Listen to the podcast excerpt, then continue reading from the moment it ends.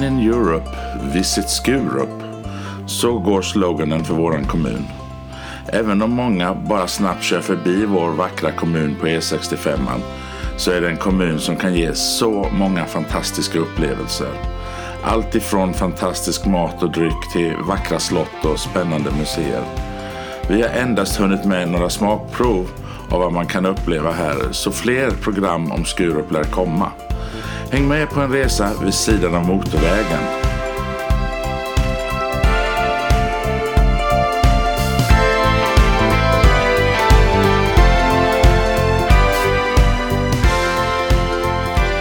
I det lätt besöker vi Svaneholms slott och får en guidning av John Wickman för att efter det sätta oss ner med Mårten Hedlund där han berättar om hur Svaneholms Open blev till och hur fortsättningen ser ut.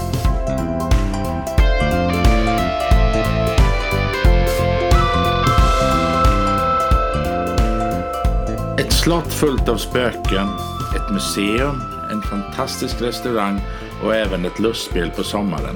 Svaneholms slott är verkligen värt ett besök för er som vill upptäcka Skåne. Få kan lika mycket om Svaneholms slott som John Wickman. Jag fick äran att träffa honom inne i museet. Följ med oss på en spännande berättelse om hur Sverige förändrades med start i Skurup.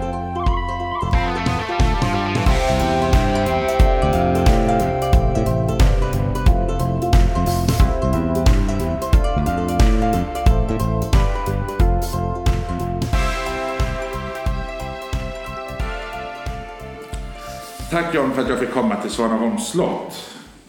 Välkommen hit. Tack, tack. Eh, om jag förstår saker och ting rätt så är slottet byggt vid eh, olika tidpunkter. Mm. Hur och när byggdes Svaneholms slott? Slottet fyller snart ett halvt årtusende. Det eh, byggdes omkring år 1530. Och den gången var det en, en eh, adelsman som hette Moritz Jepsen Sparre. Han var den danske kungens närmsta rådgivare och en väldigt hög man i det danska riket. För på den tiden så var ju eh, Svaneholm och Skurupstrakten här och Skåne var ju svenskt. Eller förlåt, danskt. Förlåt, danskt. Och då var det så att den här Moritz Sparre, han hade en borg söder om Skurups kyrka. Och eh, han kände sig inte så vidare trygg där nere i den borgen. För det, där bodde alla bönder väldigt nära och det skulle drivas in skatter. Och, och den borgen var inte så bra att försvara. Så då tog man sig upp norr om Skurup och eh, fann den här Svansjön som det heter på gamla kartor. Inte Svaneholmssjön utan Svanesjön eller Svanesjö. Och där fann man en holme. Och på den holmen tänkte då Moritz Sparre, där kan jag eh, bygga mig en borg och känna mig trygg. Han fick tillstånd av kungen. Där finns kungliga brev om detta, att man får tillstånd att bygga borgen. Och det gör man då 1530. Och det går på några år att göra det. Allt var inte färdigt med en gång. Man byggde först det södra huset och sen snabbt efter byggde man de tre andra. Så det blev en fyrlängad borg. Och det södra huset är där restaurangen är? Det är där restaurangen är, ja. Där vid portvalvet där man går in när man kommer. Så ser man det där. Det var det första och sen ganska omedelbart efter kom de andra. I tre våningar. Och eh, för att bygga det då så behövde man ju tegel och sten. Så man eh, rev lite grann på den gamla borgen. Och så hade faktiskt Moritz Berre några ställen till. Ett ställe i alla fall som heter Beritsholm vid eh, Sjöbotrakten. Det lät man också riva ner. Och lite stenar från olika ställen plus lite nytt. Och tegel så blev det Svaneholm. Och därefter så har man inte gjort så mycket när det väl blir färdigt. Men ett undantag. Några 200 år senare ungefär så eh, var här en adelsman som hette Axel Gyllenstierna. Och han ville eh, bygga om borgen, försköna den, göra den än mer imposant. Och då hade han väl tittat lite grann på kanske Stockholms slott. För nu är vi i slutet av 1600-talet, efter 1697, 1700. Och då hade ju Tre Kronor brunnit. Och ni har alla sett ju hur Stockholms slott ser ut. Det ser ut som en gammal skolåda, eller hur? Ja, precis. En fyrkantig låda. Och kommer man till Svaneholm från huvudentrén så ser man en fem våningar hög byggning, säger man. Mm. Och det är Axel Gyllenstiernas verk. Att bygga slottet fem våningar högt och så allra högst upp skulle där sitta kreneleringar. Ja, vad är det? Och det är de här vita som liknar skorstenar. Men det är det inte för det är utsmyckningar. Det är en krenulering, kallas för en utsmyckning. Men bakom de här så lät man bygga in skorstenar som då skulle gömmas bakom, inte på alla. Så det är en utsmyckning. Då var det så att den där Axel Gyllenstierna, han han göra den sydöstra längan på det sättet. Men mitt i bygget så dör han. Så de andra tre längorna ser ut som de gjorde från 1530-talet. Men jag läste någonstans att, att slottet ser högre ut utifrån mm. än det är i verkligheten inne. Precis, och det har med den här kreneleringsdelen att göra. Den som vi kallar det för den svenska sidan. Mm. Och det kan jag berätta lite sen varför den heter så. Men tillbaks till det här att det ser högre ut. Eftersom bygget inte blev färdigt, det bara stannade av, så fick man göra som man kunde. Den översta våningen blev en blindvåning, det vill säga att det är fönster i muren och så sluttar taket kraftigt ner. Så man kan gå upprätt liksom på några meter och sen så blir taket över. Mm. Så man kan bara ha det som ett litet förråd och så. Det är det att det ser högre ut än vad det faktiskt ja, är. Precis. Men där är en våning som faktiskt man kan vara i, men inte som en slottsvåning. Det är blindvåningen där. Men när, under, jul, under julmarknaden är det väl även den delen öppen? Jag har för mig att man har gått, man går nästan på så långt ja, upp som möjligt. På, faktiskt inte den femte för här är fyra våningar. Ja. Så högt är det faktiskt. Så det är inte något litet. Nej. Jag kommer inte ihåg hur högt det är men det är strax under 40 meter högt slottet tror jag. 37 meter. Jag kan inte exakt säga det men det är väldigt högt ju. Hur alltså, I och med att det är byggt av tegel, är, är det de tegelstenarna som man ser idag runt omkring som är... Ja, det är det teglet som man har haft hela tiden. Men jag kan återkomma till det där med bygg, byggandet. Ja. Och så nämnde jag då att den här höga sidan kallas för den svenska sidan. Ja. Mitt över borggården har vi då följaktligen den danska sidan. Och det mynnar i att på 1700-talet bodde här två herrskap på slottet. I den här stora sidan bodde adel med mer svenskt påbrå och i den andra sidan lite mer med danskt. Men hur som helst, de var i alla fall släkt med varandra. Ja. Och då är det en berättelse att de skulle besöka varandra. Om vi då tänker oss att de som bodde på den östra sidan skulle besöka de på den andra sidan som då är den danska. Då kommenderar man fram häst och vagn, det vill säga fyr, fyra hästar. Och så går man i, ut ur slottsporten här och så går i vagnen och så kör ekipaget 4-5 meter till andra sidan så stiger man av och så kör de ut. Fanns det, det, har hänt. det fanns ingen ingång inne i gården? Jo, jo kunde man, men det bodde, var ju två familjer så det var ju avstängt så att säga. Ja, ja. Men för att imponera på varandra så skulle man nog fint så. Det är i alla fall en berättelse som går.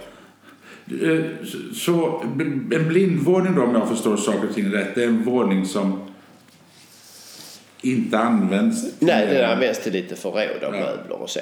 Mm. Det finns ju väldigt, väldigt mycket slott runt omkring Svaneholm. Jag sa att det fanns ett 40-tal på en tre, ja, och... tre, mil, tre mil runt. I vårt slottsarkiv här så har vi mycket intressanta dokument och den sista grevinnan Eva Ehrensvärd hon har skrivit en massa småhäften och småböcker kan man säga, gula småhäften som heter Svaneholms grannar. Och I ett av dem kan man läsa, jag har ju läst igenom den men det är ett tag sedan, så kan man läsa att om man tänker sig Svaneholm som mittpunkten i en cirkel och så tar man radien i väster, i norr och i öster då och tar fyra mil. Men dock inte i söder för då hamnar du i havet. Ja. Så kan man räkna, eller så räknade man på den tiden som herrskap 40 grannar. Mm. Och då menar man gods. Gods, är det gods samma som slott eller kan det vara Nej, herrgårdar gods kan också vara en herrgård eller ett säteri, en sätesgård. De slott som fanns... Här finns det ju ett skytteloft till exempel på Svaneholms slott. Mm. Hade alla, alla slott en egen garnison eller är det här mer för under svensk-danska kriget? Inte Eller? alla slott, men många, många slott och herresäten har ju har sin grund i, i medeltiden. Och då är det ju naturligtvis byggt många byggnader som försvar och så har man ändrat borgarna och slotten och rivit dem eller man har byggt om dem så de ser ut mer som eh, vackra hus idag. Men inte alla. Är, är, är jag helt fel ute om jag säger att Svaneholms slott är byggt ungefär samtidigt som Glimmingehus eller Glimmingehus mycket? Ja, det är inte så stor skillnad. Jag tror det Glimmingehus är ju lite äldre. 1499 och så detta 1530. Så det skiljer inte sådär jättemånga år. Kan du berätta lite om eh, slotts, de olika slottsherrarna som har bott här? Ja, jag var ju inne då på eh, Moritz Sparre, byggherren. Och sen gick ju faktiskt slottet i arv från 1530 till 1837. Och det blev ju lite över 300 år ungefär. Men med olika efternamn. Och i den 300-årstiden så var det då byggherren Moritz Barre. Sen kan vi då hoppa fram till Axel Gyllenstierna som lät bygga om slottet som jag sa. Och jag vill även nämna vad Axel gjorde. Han lät ändra alla rummens indelningar och dispositionen inne i huset här och lät bygga det otroligt vackra trapphuset i den stora sidan.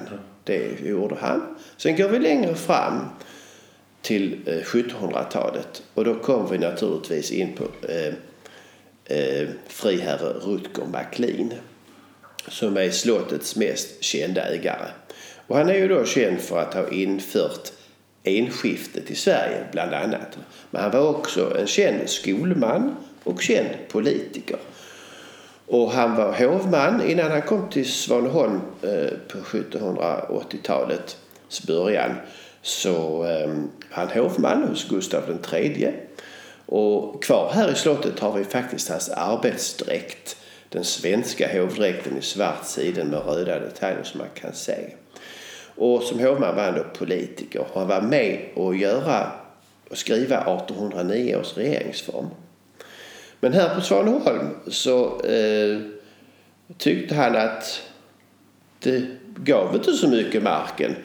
Och jorden gav inte mycket och folk var lata och allt vad det nu var. Så genom sin litteratur i upplysningstidens filosofer från Frankrike och England så fick han då idéer om enskiftet. Och Vad innebär, vad innebär det? Ja, han ägde ju då all marken här i socknen kan man säga. Och då hade han möjligheten att rita om geografin här. Och i praktiken kan man väl säga så här att innan Maclean så bodde alla bönder i Sverige kring sina kyr- kyrkorna i form av en radby eller i skärmby eller så. Men det här ändrades så att istället för att alla bönderna bodde kring kyrkan så skulle bonden bo mitt i sin mark. Och då ritar man om kartan på det viset att det blir stora fyrkanter alltihopa. Och mitt i varje fyrkant bygger man en gård där bonden då bor och så har han sin mark runt omkring. För innan så var det smala, smala tegar här och var överallt så man fick samsas om tillsammans och bestämma när man skulle eh, så och skörda och så. Och det var ganska... Eh, det blev ganska mycket rabalder om det när han genomförde men visade sig Ja. vara ganska bra i slutändan för bönderna. Så var det ju. eh, man kan tänka sig att man i många hundra år har bott tillsammans några meter ifrån varandra. Och på den tiden, vad lyste på människan då? Inte som människor idag har elektriskt ljus och det är ljust överallt. Jo, ett stort ljus över dagen som är solen och ett litet om natten som är månen. Det var ensamt och det var mörkt. Ja. Och de här fyrkanterna som jag pratar om, de kallar man för strölanden. För MacLean strödde ut alla de här län, eh, områdena. Och de som skulle bo där kallar han för strölänningar. Men de märkte ju att det blev bättre. Jorden gav mer och de blev arrendebönder och, och att det fungerar väldigt fint. Så eh, de som inte flydde härifrån i början, de mådde väl. Ja. Och i slutet av eh, hans liv så var han ju en väldigt välsedd eh, gudsherre som man såg upp till. Och det kan man märka för i hans testamente stod det två stycken märkvärdigheter. Mycket intressant. Det ena var att alla godsets eh, bönder skulle närvara på herrebegravningen nere i templet i Skurup. Det andra var att de skulle ha svarta långbyxor och det var mycket märkligt. För hur såg man ut på den tiden? Jo, alla hade ju gula knäbyxor, kanske sett på midsommar. Och någon långbyxa hade man ju inte sett. Vad gör man? Och så sa man, ja ända sedan Adams och Evas tid har vi haft gula knäbyxor. Då bestämmer man sig för att man hämtar en bonde och hans frus svarta kyrkkjol och så kallar man till mäster skräddare i Skurup. Och så sätter man kjolen under eh, bondens eh, armhålor och så når kjolen en bra bit ner och så syr man svarta långbyxor av de här kjolarna. Och hur kunde det vara att man gjorde det? Jo, för det var förbjudet för kvinnfolk att gå på jordbegravning på den tiden. Eller be- begravning. Så de behövde ju inte sina eh, svarta kyrkkjolar. Och på det sättet var man klädd. Då efter att man hade fått sytt alla de här svarta långbyxorna av kvinnornas kyrkkjolar så var det dags för begravningen. Och så skulle man bära MacLean från Svaneholm ner till templet i Skurup för herrebegravning. När du säger tempel, är det inte kyrkan? Jo, men det heter Jo. tempel. Okej. Ja. Templet är kyrkan. Och eh, då... Eh, efter att man hade sytt de här svarta kyrkkjolarna så var det då dags för eh, herrebegravningen i templet nere i Skurup, det vill säga kyrkan. Och så skulle man då bära McLeans, eh, McLean ner. Han stod ju i dubbla kistor. Och då bär man honom från stensalen och ut. Och det var väldigt tungt och det är några kilometer ner. Så han eh, fick eh, bärhjälp så att säga. Ja. Och man skulle då byta bärare.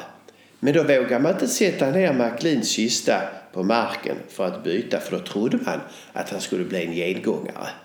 Så man bytte bärare under marsch. Och så kom man ner till Skurup. Och begravningen började. Och det var mycket unikt för ingen människa hade heller sett en kista i en kyrka på den tiden. För hur vad gick det till på begravningar på 1700-talet? Jo, det var ju på söndagen ett hål i marken innan gudstjänsten så rakt ner. Ja, aldrig några kistor i en kyrka. Men MacLean var ju en adelsman. Så hans likkista skulle naturligtvis in i kyrkan. Och då var det liktal från predikstolen. MacLean hade en systerson, Kjell Kristoffer Benett, som skulle ärva alltihopa. Han hade ju inga egna barn. Och efter liktalet så kommer det som är ganska intressant för oss i eftervärlden att höra talas om. Det är hur, hur MacLeans vapensköld skulle slås sönder och samman på likkistan. Och det skulle man göra eftersom MacLean inte hade egna barn, han var ju aldrig gift. Så dör hans ett ut på svärdssidan, alltså på den manliga sidan. Han hade en onaturlig son däremot, men den fick inte komma till fråga. Och då var det dags efter liktalet. Då går Kjell Kristoffer Benett ner från predikostolen ut i vapenhuset och hämtar den här stora vapenskölden. Och så går han fram. Alla tittar och de som satt längst ner på stolarna, för det hette inte bänkar på den tiden. De vill ju se hur det såg ut och höra bra. Så de ställer sig på stolsryggarna. Och så kommer stunden. Woof, säger det. Så är det en smäll längst fram i koret. Och det är ju hur den här vapenskölden går sönder. Men så kommer smäll till. Och det är längst ner. De som stod på stolsryggarna de blev dödsförskräckta av smällen som ramlade ner på golvet i kyrkan så blev det en smäll till. Och därefter så sänktes ju McLean ner i sin krypta. Och en krypta betyder ju gömma. Vi har ju i floran kryptogamerna. Och så kom han ner i kryptan och där står han lik fortfarande än idag i en ganska fint renoverad krypta som man kan besöka och titta i. Och den sista gudsherren här på Svaneholm eh, som är nedsatt där, det är hans systerson Kjell Kristoffer Bennett som dog eh, 1830. Sen har man begravts på kyrkogården ja. i Skurup. Men MacLean är alltså då den mest kände. Och den här enskifteskartan då med sina fyrkanter, den är ju faktiskt tillverkad samtidigt som landet USA kom till. Och ni har väl sett USAs karta? Den är också en massa fyrkanter gjorda på skrivbordet. Mm. Precis som Skurups karta är. N när eh, enskiftet har skett och liksom man har sett mm. att det här ändå blev rätt bra för dem. Han blev ju skyddad. Ja, det stämmer ja. Eh, av, under bondeupproret. Vi hade Klågerupsroret, ett bondeuppror då eh, på 1810-talet. Jag kommer inte ihåg det var 1811 eller 1812. Jag tror det var 11, kan kvitta kanske. Men det var ju några år innan han dog. Och då hade ju det här som han hade åstadkommit på godset gett, gett eh, vad ska man säga, det hade liksom gett frukt. Och eh, man var välmående och man trivdes. Och då när bönderna gjorde uppror så var inte det så stort här på Svaneholm. Men på andra ställen så var det ett stor, stora uppror och det kom hit en bondskara faktiskt och hotade MacLean. Och han kände, kunde bli lite ansatt men då blev han försvarad av bönder här på godset. Finns det, om jag förstår rätt när man åker, jag har ju åkt runt rätt mycket jag och frugan. Ja. Mm. Är, det, är det inte flera gods här omkring som har MacLeans namn? Det var ju så är det en stor MacLean-släkt eller? MacLean eh, ärvde ju det här eh, slottet då, jag tror var 1782. Och eh, hans bror Gustav MacLean är, ärvde granngodset Brodda som faktiskt var väldigt stort eh, till ytan. Och det, det är de som har, har eh, de fick detta då i arv, de två godsen. Men eh, Svaneholm hade ju många andra ställen så att säga. Men det var här på detta Svaneholm som man gjorde enskiftet. Okay. Ja. Jag har hört ryktas om att det eh, spökar en hel del på Svaneholms slott. Mm, det är fullkomligt vimlar av spöken överallt. Vilka är de?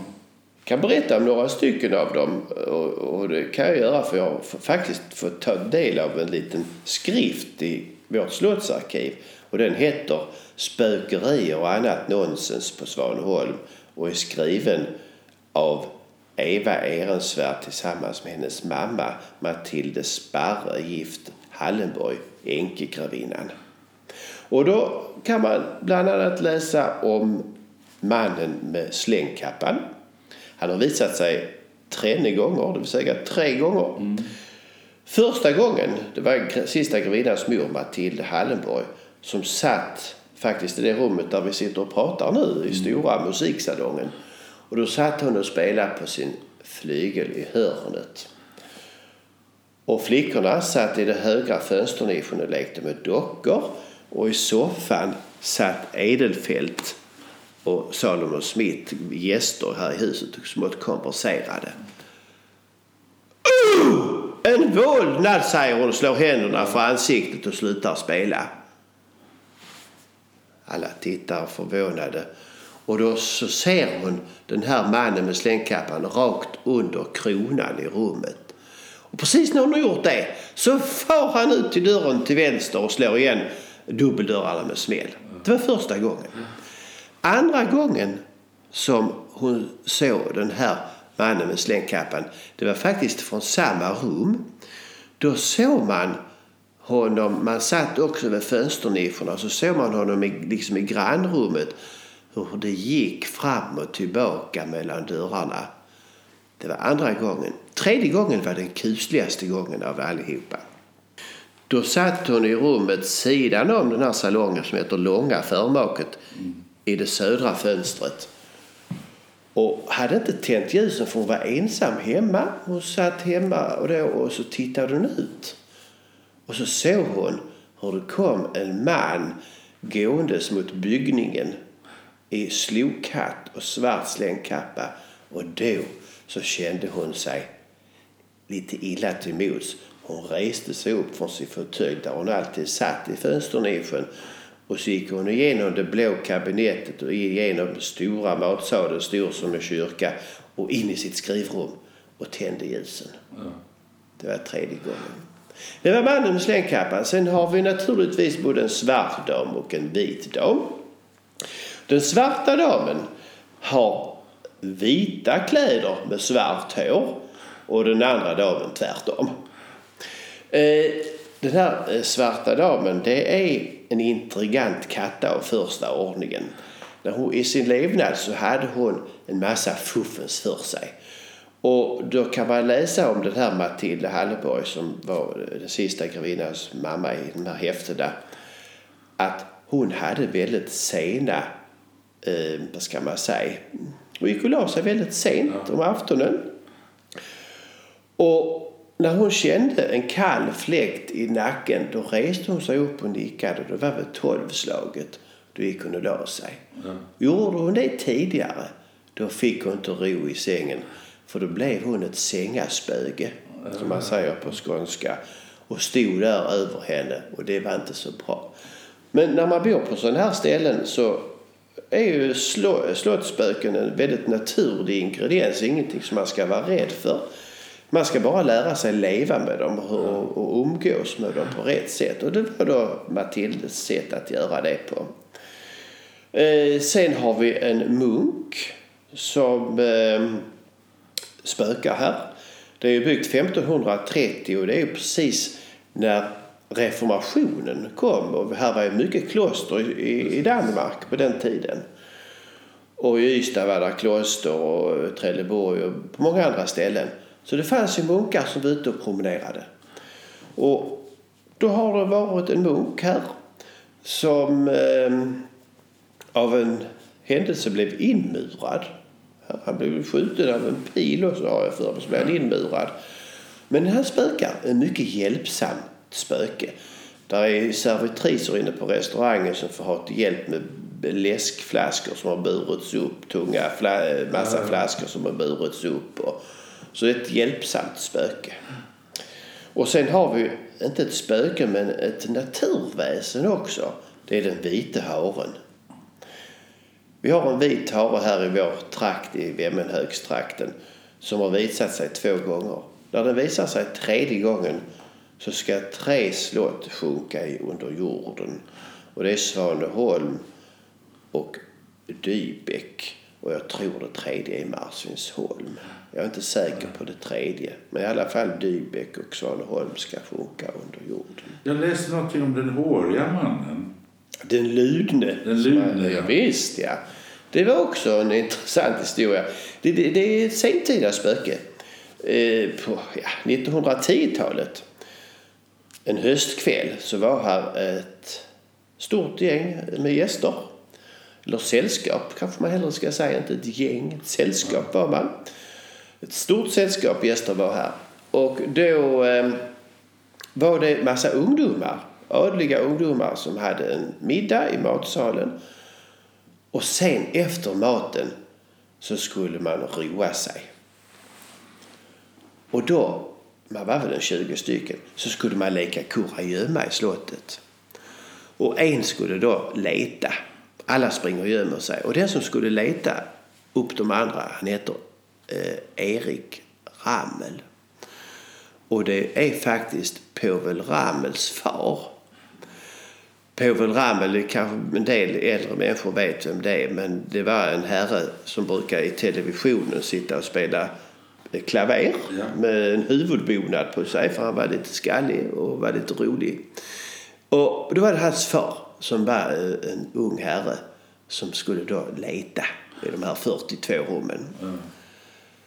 Och så går han ut mot den norra sidan där var en gästrumsvåning. Och han vet ju precis vilka som är här. Och han vet hur det ser ut i rummen. Och så öppnar han, för han vet att det är en stor säng. Och så ska han titta under sängen med någon som gömt sig där, för det är ett bra gömställe ju. Och så lyfter han på överkastnet. Oh! Så rädd han blir. Han far ut och så slår han igen en dörr. Och så säger han bara luden arm, luden arm. Mm. Och alla hör hur han skriker Ludenarm. Och så springer de fram ur sina gömställen och han får en stol att sätta sig på. Luden arm, Luden arm. det enda han säger. Får något att dricka från en piga och så kryper det fram vad som hade hänt. Att under sängen, när han lyfte på överkastet så kröp det fram den här lune handen och armen. Som ingen visste vems det var egentligen. Det är den. Jag, jag har ju bekanta som har jobbat på slottet i Stockholm. Och som jobbade med städa och plocka undan. och liksom de berättar väldigt mycket om just dörrar som stängs. Steg som hörs på, utanför dörren när de öppnar så finns det ingen där. Du som har varit här så mycket, är, är det något sånt som Alltså jag, man märker, känner eller? jag tror ju inte på sånt egentligen. Men jag har varit med om att ett larm gick. Och det är ju inget konstigt i och för sig. Vi var tre personer här som höll på att städa. Och i ett av rummen så har vi en monter. Och i den montern gick larmet fast det inte fanns, där var ingen. Nej. fanns ingen anledning till att det skulle gå. Det var mycket konstigt tyckte vi. Och eh, tänkte det måste vara något spöke som satt igång. Men inget nämnvärt. Tyvärr så känner jag inte av sånt. Eller så har jag lärt mig att umgås med dem eftersom jag är här så mycket. Ja, precis. Du, eh, ni på, på eh, Fornminnes och hembygdsföreningen ansvarar för museer. Eh, men det finns ju väldigt många andra grupperingar runt Svaneholms slott. Du har Andelsföreningen, du har Friluftsfrämjandet, Konst och hantverksföreningen. Eh, hur, hur delar man upp ansvaret på Ja, alla? Vi tar det lite från början. Det var 1934, 35. 1934 så gick ju den sista ägaren i konkurs. Ehrensvärd. Och han dör i detta och hans eh, fru då, grevinnan Eva Hallenborg, hon är kvar. Och klarar inte av det så det blir sålt. Och då köper eh, Vemmenhögs herras hembygds och fornminnesförening slottet. Och samma dag så transporteras köpet över till en förening som bildas som heter Andelsföreningen. Och då bestämmer man också att den här Eva Ehrensvärd hon får hyra fram till sin död sex rum i slottet och hon bor här i 12 år till 1947. Men då är det så att då kan man säga att slottet står liksom på två pelare. Den ena är då föreningen som köpte slottet, alltså Fornminnesföreningen, Hembygdsföreningen. Och så är det då andelsföreningen som bildades som då fick slottet av Fornminnesföreningen. Och då är det så idag att eh, slottet är själva huset, byggnaden och parken, sjön och den här lilla skogen som finns här. Det är andelsföreningen som äger det. Och eh, deras första uppgift är ju då att se så att huset håller och att tillse att Fornminnesföreningen har lokaler till sitt museum eftersom det var de som köpte det för att det skulle bli ett museum. Hela andemeningen med att det köptes det var att det skulle bli ett museum, ett hembygdsmuseum.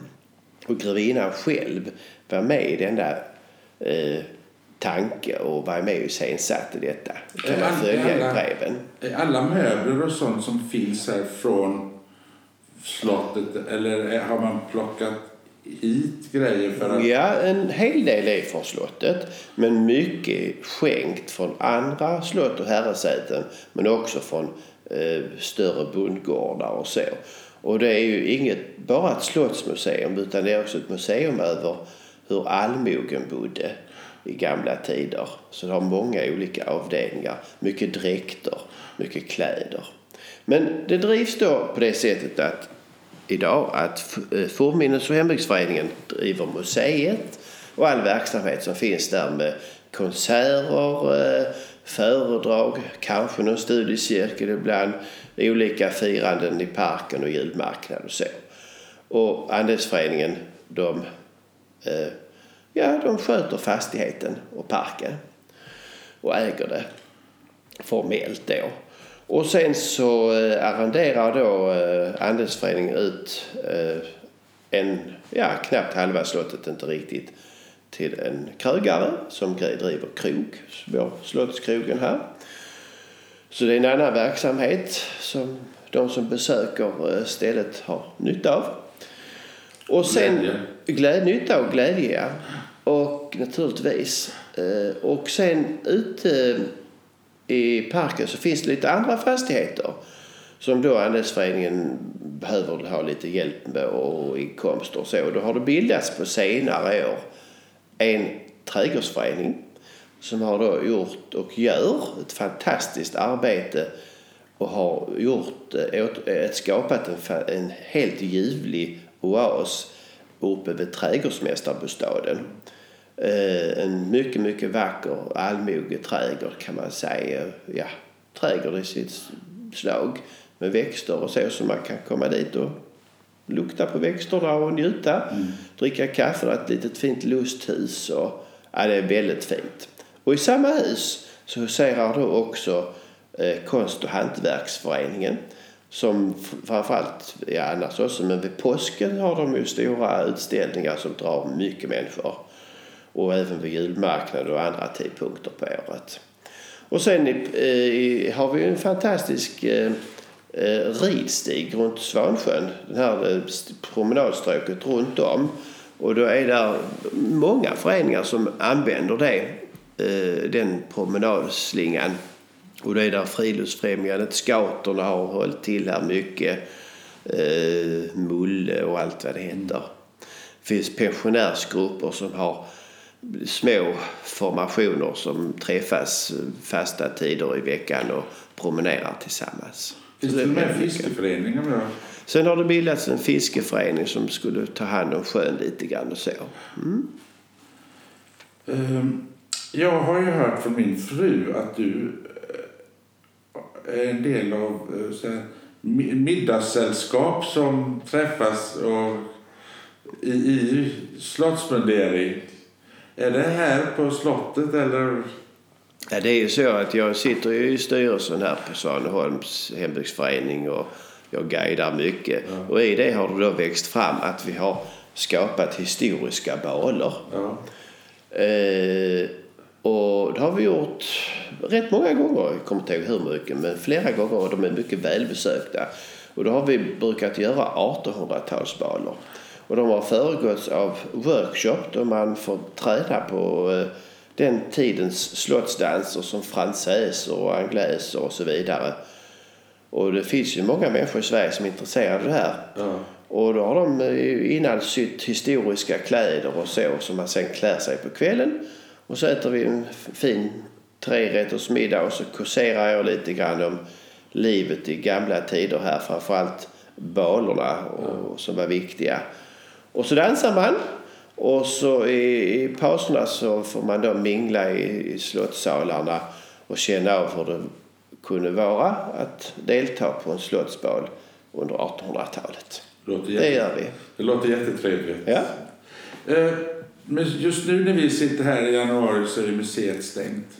Men eh, hur är öppettider för besökare och när öppnar det och stänger det på den? Det är lite olika beroende på vad vi har för pengar och inte pengar. Men för det mesta har det varit öppet på sommarmånaderna och lite helger på våren och hösten. Så har det varit. Och i år så tänker vi öppna till eh, påsk. Och så ska det vara öppet i sommar. Eh, tisdagar till söndagar. Så ser det ut detta året. Och när vi pratar om det här med, med att ha pengar. Är, museer och slott som, som sådana, vi får inte mycket bidrag från stat och landsting och, och, och så, utan man måste hitta pengar i, utav, utav intresserade. Ja, vi, ibland har vi tur, ibland har vi inte tur. Eh, vi, från 20-tal år sedan så var det en herre som gav oss ett arv, en massa pengar som vi har klarat oss på ett tag. Det börjar ta slut, så nu är det mörkt igen. Det är ju så i ett 500-årigt slott att det är mörka tider och ljusa tider. Ja. Och det har varit lite ljusa tider ett tag på det sättet. Men där bakom ljuset kommer mörkret. Men sen efter mörkret kommer det ljus igen. Ja. Och nu har vi fått lite pengar från EU. Det är ju projekt Baltic Mass South Baltic Manor projekt. Och man ska lyfta fram herrgårdar kring Östersjön som ligger i skymundan. Men det är bara för något år ju. Sen är det mörkt igen. Och sen har vi, får vi ibland lite pengar från staten för att ta vara på kläder. Vi fick eh, 170 000 för att ta hand om eh, våra eh, fina dräkter. Eh, sen är det andra som inte vill ge så mycket Ja. som gör att vi får lite bry. Men vi har hankat oss fram men det är inte ljust i framtiden. Det är det inte. Min, Vi hoppas det kommer ljus. Ja, vi, men man kan köpa in sig på slottet har jag förstått. kan man göra. Andelsföreningen säljer ju andelar att 30 kronor. Och jag tror man kan inte köpa en för 30 kronor men man måste köpa fem stycken nu. Ja, precis. Så kan man göra. Och då hjälper man till att, att stötta slottet lite grann. Man kan köpa många. Man kan köpa många sådana. kan man göra. Det är man välkommen att göra. Vi har en slottsbutik som vi säljer dem i. Ja, för att avsluta det här. Jag, jag vill verkligen tacka för att jag fick komma. Jag ska ställa en fråga och sen tänkte jag att du skulle få berätta lite om flygeln i rummet vi sitter i och kanske avsluta med en liten trudelutt. Absolut. Det ska vi kunna åstadkomma. Hur tror du framtiden ser ut för, för museer och slott som Svaneholm? Ja, det är vad man tror. Alltså, det har ju hankat sig fram. Det kommer ju naturligtvis, jag tror det kommer till finnas kvar. Man, man får inte tro något annat. Men man vet ju inte. Finns det ny... Fylls det på med, med yngre eh, Jag skulle folk som, som är intresserade Ja. av, av slotten? Så, Det har ju fyllts på alltid. Menar 1935 så blev det en, var det en förening. Och de är ju döda alla. Och sen har det fyllts på alltid. Men det brukar inte fyllas på med de som är mellan 20 och 50. Utan det fylls på med de som är kanske mellan 50 och 90. ja. Och så försvinner de. Men det, men det kommer alltid nya 50-åringar. Det det. Alla som är 20 blir ju 50. Så det är väl ungefär där. Att, och då- 50-åringar tar aldrig slut. Nej, och inte 60, och inte 70, och inte 80, och inte 90. Den, den, de ålderskategorierna finns ju alltid för alla blir ju gamla och äldre.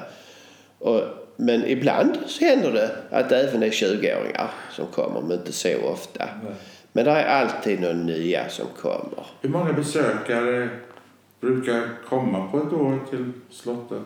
Ja, Det är väldigt svårt att betrakta om det är i museet eller det är som besöker slottet som sin helhet. Ja. Det är många, många tusen ju. Det Kommer skolor också på besök? ja, händer. Vi har eh, haft, eh, har lägerskolor, vi har eh, klasser som kommer och blir guidade, klasser som har aktiviteter i parken och kring sjön med naturen och kombinerat med historia. finns är, är väldigt ofta. Jag kan tänka mig att ska du läsa historia i skolan kan det vara ett lämplig plats Absolut. att komma och titta på det faktiskt. Jag har åkt hit med mina klasser många gånger i sjätte klass. Vi har lägerskola i två dagar Ja. med historia och natur. Det har vi gjort och gör. Mm, absolut. Jättetrevligt. Ska vi... eh, Ja, ska du berätta lite om flygeln? Så ska jag, ska jag samtidigt passa på att tacka dig för att, för att jag fick komma. Och det har varit jätteintressant att lyssna på. på Det kan väl bli en bra avslutning eftersom vi nu har suttit i och gjort den här intervjun i slottets eh, gamla musiksalong. Och där står flygeln.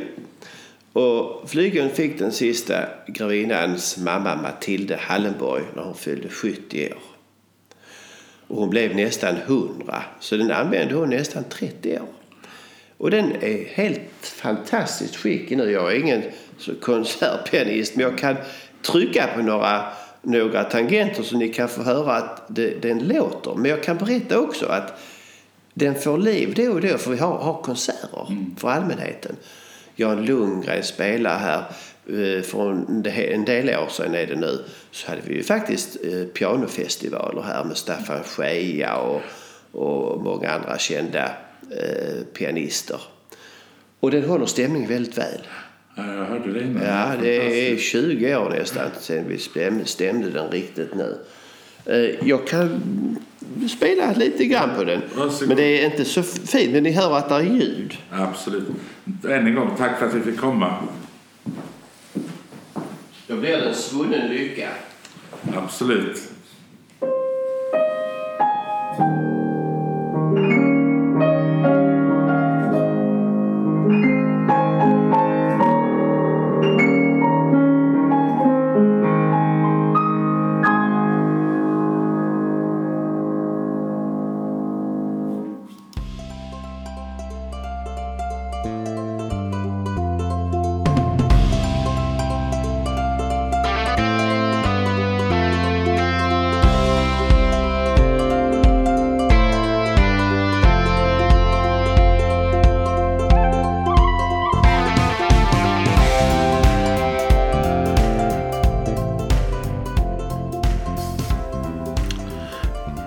Alltid spännande att träffa entreprenörer som vill åstadkomma något stort och det stämmer till punkt och pricka på Mårten Hedlund, grundare till visionen bakom Svaneholm Open.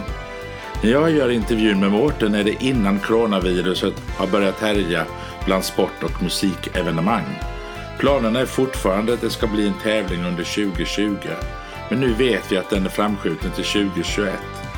Så vitt vi vet har ingenting annat ändrats än att det blir en tävling då. Följ med och lyssna på Mårtens tankar runt allt.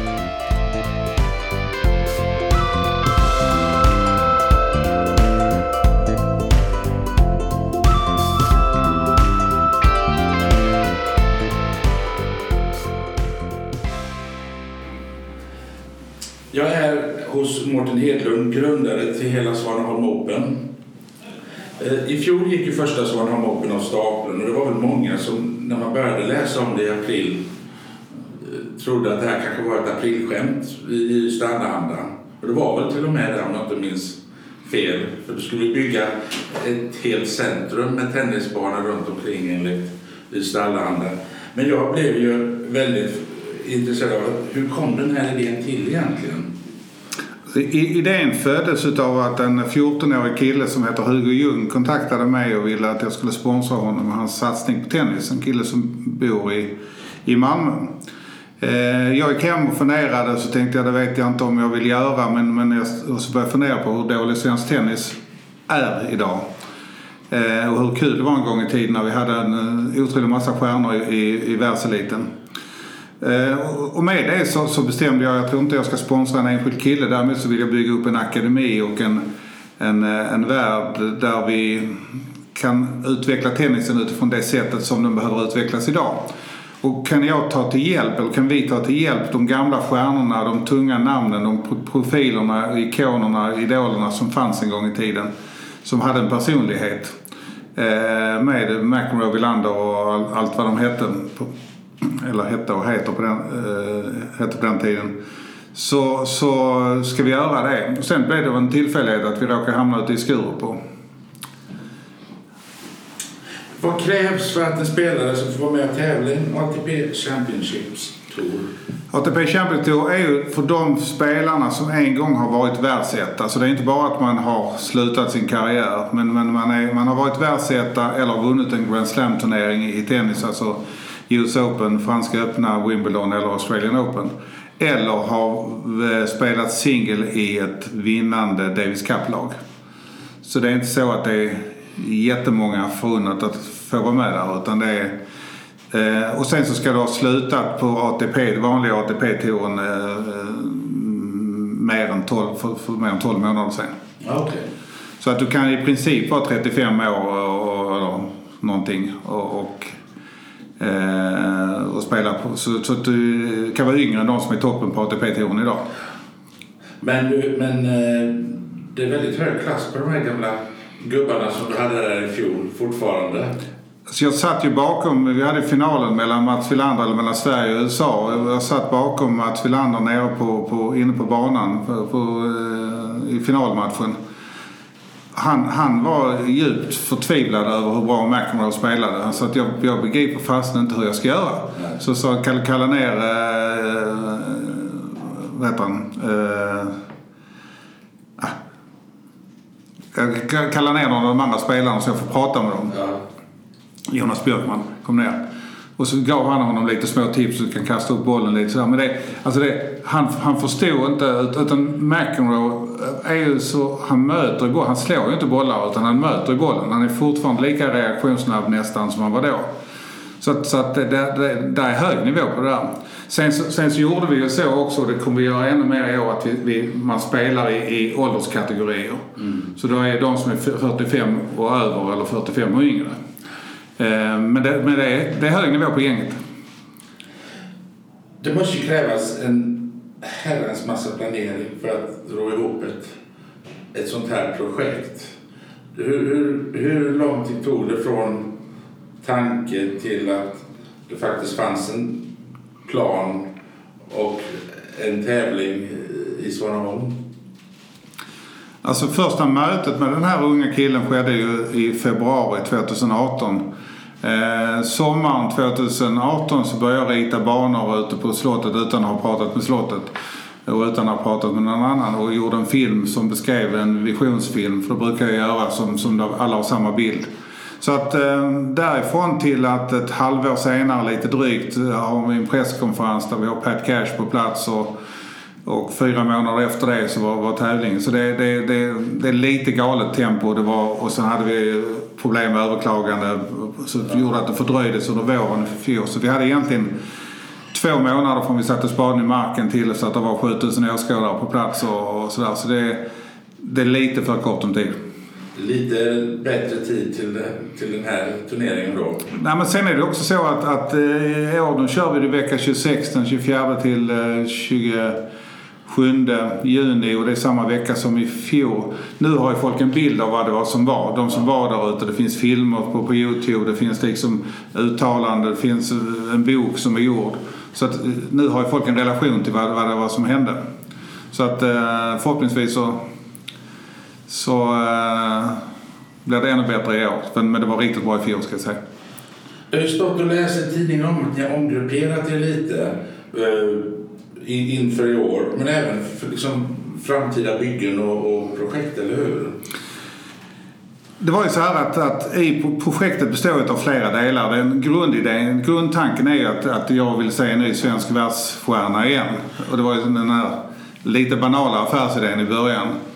Eh, så, så att, lite, lite, eh, att, att få en svensk tjej eller kille att, att nå världseliten. Och för att göra det så måste man hjälpa till. Man måste skapa en akademi som, som, är, som fungerar på ett sätt. Nu kommer inte jag från tennisen men jag kommer från idrotten och, och, och är bra, bra på att lyssna in. Eh, har mycket samtal med Mats Wilander om hur man bygger en akademi. Han, han kommer med all sannolikhet vara djupt engagerad i i akademin. Så det är ju grunden. Men för att en akademi ska fungera så måste den växa till sig i, både i människor och ha någonstans att växa in till sig i. Mm. Så att det, behöver, att det byggs fastigheter. Det vill säga att allt det här och turneringen fanns i samma bolag första året.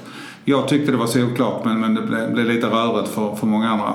Så att nu har vi gjort så för att förtydliga detta och få in ännu mer expertis så har vi skapat tre bolag. Det ena bolaget är turneringen som, som lever vidare, som jag driver. Eh, vi har eh, en akademi som, eh, där har vi en styrelseordförande som heter Per Nilsson som är rektor på GH i Stockholm. Lång erfarenhet med forskning och utveckling, kan sport och tennis och, och forskarmiljöer. Eh, och där är fyra, fem riktigt bra människor i den här styrelsen. Eh, och eh, sen har vi ett fastighetsbolag som ska utveckla fastigheterna. Som bygga akademin och hotell och allt det här som ska göras. Så där sitter en som heter Lullo Gylleneden som styrelseordförande som till vardags är fastighetschef på Lidl. Så det, är, det, är en, det, är, det är en breddad och mer specialiserad kompetens idag. Så jag hoppas det ska bli, bli bra. Hur, hur, vi har ju läst om Tennisakademin och hotellbygget. Hur ligger det projektet just nu? Så vi är ju inne i, i det ena, alltså det ena är ju att akademin ska växa till sig. Akademin som, som företeelse ska bli en hyresgäst i en fastighet. Så akademin måste ju växa till sig och då har vi sagt att de, eh, de kommer att växa i Svedala.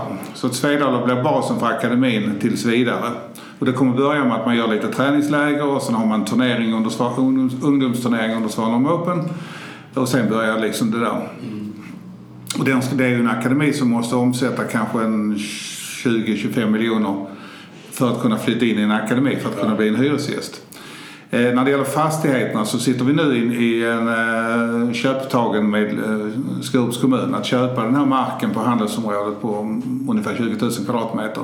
Där är akademin och sen ska den planeras liksom och utvecklas, alltså själva, själva fastigheten. Hur det ska se ut, vilka delar som ska vara det, vilka andra verksamheter som ska in i det här. Men det är, vi pratar ett projekt på ett antal år innan vi innan alltså det är, det är ett bygge, det är ju ett bygge på eh, och, och, totalt sett så är det ett bygge på en 20 000 kvadratmeter. Så det är rätt stort, stor sak som ska byggas. Så att, men jag eh, är ju optimist och så jag tror liksom att någonstans så ja, två till tre år så bör det, bör det kunna liksom vara fullt utbyggt där ute. Jättespännande. När släpper ni årets spelare? Vad jag har förstått på hemsidorna så är det klart att McEnroe och Wilander kommer att vara kaptener. Du säger det, ja det, det stämmer ja. det vi har gjort i, i år, och jag vet spelarna till, till 95 eh, procent. Ja. Eh, det vi har gjort det är att förstärka det här med äldre och yngre. Så vi kommer ha det blev Sverige, eller Europa mot Amerikas. Inte, inte Amerika utan Nord och Sydamerika. Det kommer att spela från båda, båda delarna. Eh, och det är Mats och John som tar ut lagen. Eh, vi kommer att ha två spelare som är äldre än 45. Det vill säga Mats och John kommer att vara spelande och så kommer det att vara en spelare till i deras ålderskategori. Sen kommer det att vara två spelare till från varje lag som är yngre och de kommer ligga runt 38 tror jag den yngsta är eller någonting. Den ena, ena slutade spela på, på vanliga ATP-touren för ett år sedan. Så, så det är liksom det är så nära dagens tennis du kan komma. Det är spelare som för, för några år sedan vann ATP-segrar och, och sådär. Så det, det är, um, I fjol var, vi, var ju alla liksom 45 och uppåt. Och då blir det så här att de yngre möter de yngre och de äldre möter de äldre. Eh, så att det blir, blir riktiga fighter. Eh, och det blir också så att, och dubbla kan du köra mix, alltså du har, du har en av de yngre och en av de äldre. Sen gör vi så också i år att sista, lördagen, sista dagen, eh, så får man två poäng per seger. De andra första dagarna är det en poäng. Det gör att, att det blir liksom fight ända in i, i slutet. Så spelarna är ju riktigt på hugget inför det här. Det, det, det, det är så kul när man pratar med, med de som var här i fjol hur, hur mycket snack det är runt och det är inte bara för att de ska vara vänliga utan det är, det är verkligen att det här har gjort ett avtryck på uh, när Mats Wilander sa på presskonferensen senast liksom man fick frågan om, om är det svårt att få tag i spelare så, så bara skrattade han så är det någonting som inte är svårt efter det år som vi hade 2019 så är det att få spelare. Alla, alla vill vara med. Och så är det verkligen, det känner vi. Vi får påtryckningar från, utifrån till oss. Mm. Ja, jag har förstått så är själva ATP Champions turneringen säkrad för i år och för 2021, eller hur? Ja. Hur ser framtiden ut efter det? Ja, så länge vi gör bra 2020 och 2021 så, så kommer den ju rulla, rulla vidare.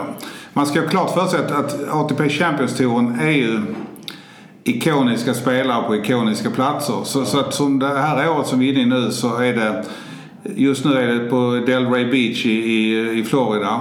Det, det kommer vara en tävling i Valencia i, i, eh, i en Santiago Calatrava-byggnad som är, som är väldigt cool under våren. Det kommer även vara en, en ny tävling som är i Pula, Pula i, i Kroatien i en amfiteater. Eh, i, i maj. Som är ett jätteläckert ställe, det som spelar i, i rum. Eh, sen, sen är det Glen Eagles i Skottland. Eh, det är Palma Mallorca och sen är det final på Royal Albert Hall. Och mitt i allt det här så ligger Svaneholm och Skurup. Så man får tänka sig vilken fantastisk familj vi, vi har äran att vara en, vara en del av. Va? Så, att, så, att, så länge det finns och, och, och som Mats Wilander och McEnroe säger, detta var den häftigaste tillsammans med Royal Albert Hall ja. stället på, på hela touren så, så ligger vi bra till. Men det gäller att folk kommer och att vi uppskattar det och att det, blir, det fortsätter att bli gärna fint väder också. Ja, det, är väl det är väl huvudsaken att det inte regnar någon dag kan jag tänka Ja, det får jag hålla tummarna i år också. Men det brukar vara bra väder runt Peppa, peppa, ja. midsommar. Ja. Jag ska inte hålla dig så länge för, för att, ehm, Jag vill tacka dig för att jag fick komma hit. Ja, tack så mycket. Och jag hoppas att jag får komma tillbaks och prata visioner i framtiden om Svaneholm Open. Du ska, du ska få med och prata när vi väl sitter där bland alla folket och får lov att träffa de här spelarna. Så det går bra. Jättefint. Tack så mycket.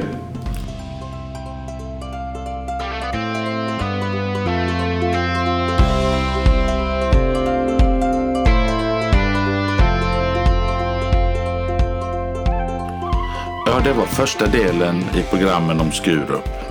I del två träffar vi Jannik och Johan på sydkustens Pillehill.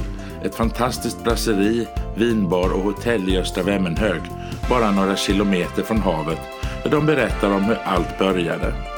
Och så träffar vi Bengt Almqvist från Johanna-museet som berättar om allt man kan få uppleva på museet. Tack för att ni lyssnade och på återhörande.